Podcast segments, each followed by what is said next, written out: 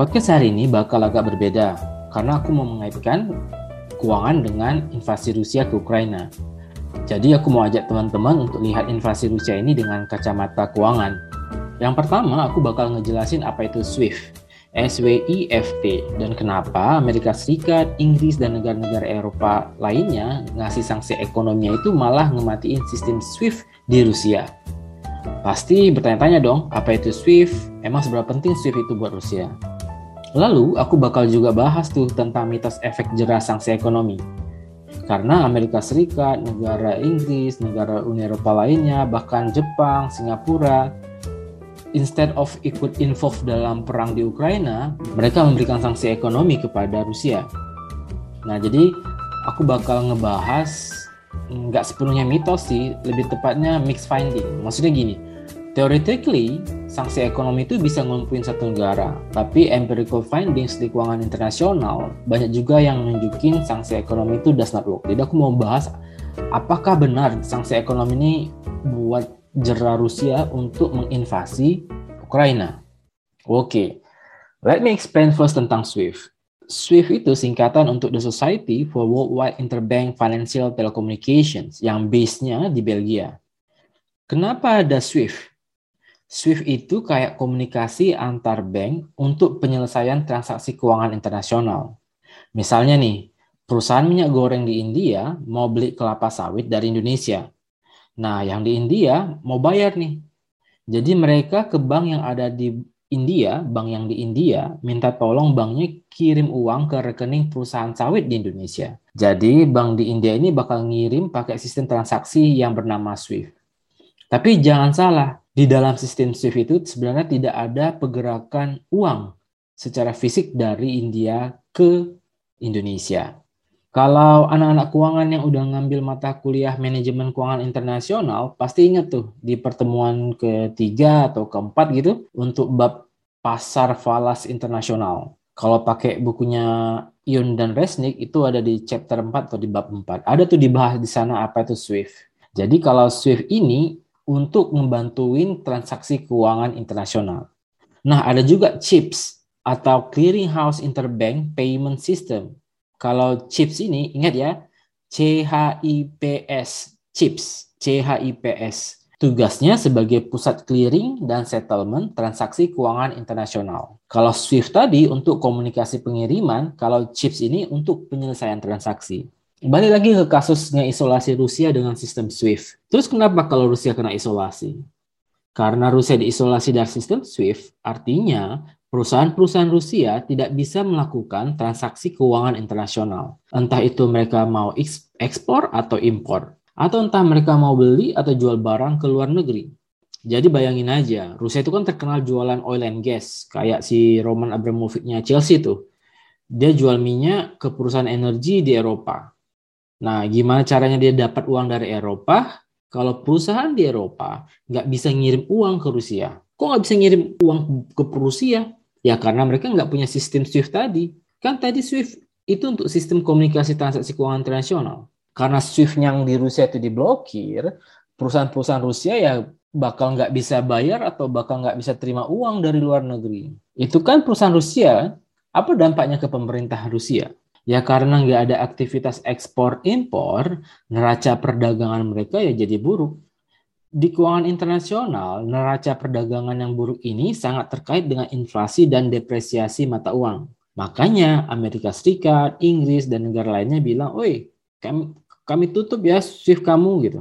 Itu artinya Rusia bakal menghadapi inflasi yang tinggi dan mata uang yang terdepresiasi. Itu juga penyebabnya Kenapa pasar saham Rusia itu jatuh sangat dalam? Kan inflasi dan saham memiliki hubungan negatif.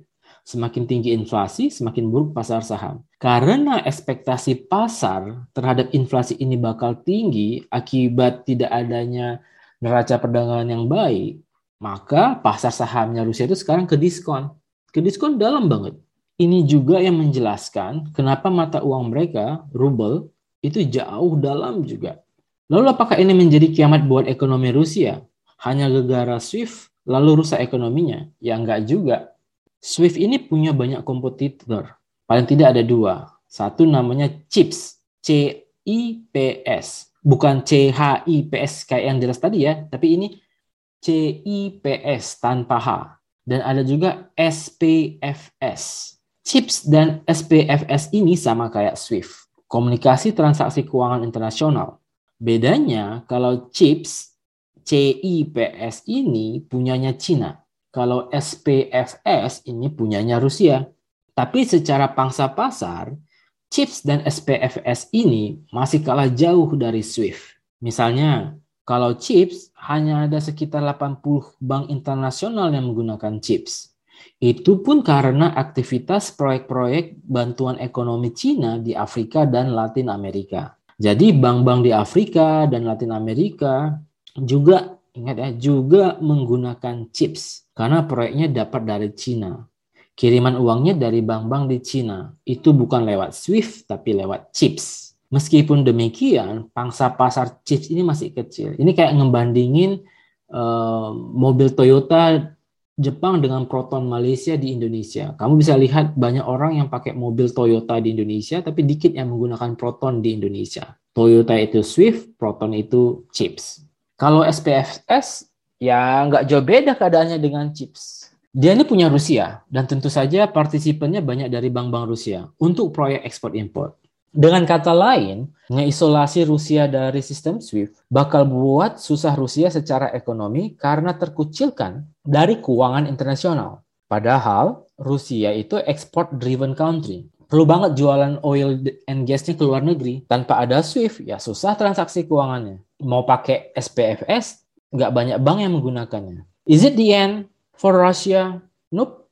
Perusahaan-perusahaan yang menginginkan barang dari Rusia pastinya mau nggak mau harus mencari jalan untuk melakukan transaksi dengan perusahaan Rusia. They will and have to adapt with the situations. How? Ya dengan memaksa atau mempengaruhi perbankan di negara mereka untuk mengadopsi SPFS Rusia tadi. Kan udah nggak bisa pakai SWIFT. Jadi ya mau nggak mau bank-bank di Eropa atau bank-bank di Amerika atau di negara-negara lainnya yang sudah memblokir SWIFT-nya Rusia harus mengadopsi SPFS Rusia tadi kalau mau melakukan transaksi keuangan dengan perusahaan-perusahaan di Rusia. Atau mereka harus mengkalkulasi biaya tambahan untuk offshore banking. Maksudnya, kalau mereka nggak bisa bayar directly ke Rusia, what they will do? Pakai perusahaan cangkang di offshore banking country, kirim pakai SWIFT, nanti di, di negara offshore banking tersebut via perusahaan cangkang tadi, mereka kirim ke Rusia pakai SPFS. Atau nggak usah pakai offshore banking country. Negara-negara kayak India, China, dan beberapa negara Latin Amerika, kan ada yang pakai SPFS. Ya tinggal via sana saja. Jadi mungkin ada biaya tambahan karena tidak bisa directly bayar ke perusahaan Rusia, instead of harus pergi ke India, harus pergi ke China, negara Latin Amerika, atau offshore banking lainnya, dari sana baru kirim ke Rusia. Tentu saja ini akan menambah biaya. Jadi isolasi SWIFT ini bisa jadi bumerang juga buat Uni Eropa karena memaksa beberapa bank untuk mengadapsi sistem SPFS-nya Rusia yang tadinya sepi peminat jadi banyak peminat. Jadi apakah sanksi ekonomi Rusia ini efektif? Nah, yang ini ada interesting findings-nya. Dalam salah satu studi ekonomi tentang sanksi ekonomi yang memeriksa lebih dari 170 studi kasus selama satu abad, menyimpulkan bahwa sanksi ekonomi yang berhasil hanya 34 persen. 34 persen. Di antara kegagalan sanksi ekonomi yang paling menonjol adalah embargo Amerika Serikat di Kuba yang berlangsung udah lebih dari 50 tahun dan tidak berhasil sanksi ekonominya. Banyak juga penelitian yang menunjukkan bahwa semakin lama sanksi tersebut berlangsung, semakin kecil kemungkinannya berhasil. Ada tuh profesor dari University of Birmingham, UOB, Colin Rowett, yang berargumen beberapa negara target beradaptasi atau mencari jalan untuk menghindari efek sanksi. Kayak Rusia tadi, mereka sudah mempersiapkan diri tentang masalah SWIFT ini bahkan sejak kasus Crimea 2014. Mereka sudah tahu harus menyiapkan sistem SPFS karena mereka sudah tahu mereka bakal jadi kayak Iran di 2012.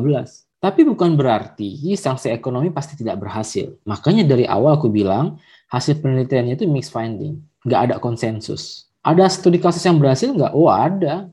Ya tadi misalnya contoh kasus Iran yang diisolasi dari SWIFT sejak 2012 gara-gara program nuklir mereka. Iran jadi kehilangan lebih dari 50% pemasukan ekspor minyak mereka. Dan perdagangan internasional mereka tuh turun 30%. Iran bahkan mau appeal untuk dibuka lagi sistem SWIFT-nya. Tapi jangan salah, di Iran mereka juga mempersiapkan diri dengan beradaptasi pakai SPFS-nya Rusia. Selain SPFS atau SWIFT, ada nggak pintu belakang Rusia melakukan transaksi keuangan internasional? Ada nggak jalan alternatif buat Rusia atau perusahaan-perusahaan di Rusia untuk melakukan transaksi keuangan internasional? Ya ada. Harusnya ya via cryptocurrency atau digital ruble itu bisa jadi jalan alternatif buat perusahaan di Rusia. Kalau memang SPFS juga susah atau via offshore banking country juga lebih mahal, ya mau nggak mau mereka harus beradaptasi dengan sistem cryptocurrency atau memang harus menjalankan digital ruble mereka secepat mungkin. Makanya balik lagi ke awal, bakal berhasil nggak sanksi ekonomi? Only times will show it. Balik lagi ke pertanyaan awal. Kenapa Amerika Serikat, Inggris, dan banyak lagi negara-negara yang mau membekukan SWIFT-nya Rusia? Jawabannya ialah karena mereka mau mengkebiri neraca perdagangan Rusia, mereka mau menghukum Rusia secara ekonomi. Efektifkah cara tersebut? Well, I already told you about it. Tapi sekali lagi, keuangan itu ilmu sosial dan dia dinamis. Tentu saja kita semua benci invasi ini atas nama kemanusiaan. Aku cuma mau menginformasikan dan meluruskan yang salah terkait dengan invasi Rusia dalam perspektif keuangan. Itu saja dari saya. Happy researching. Menjua-jua.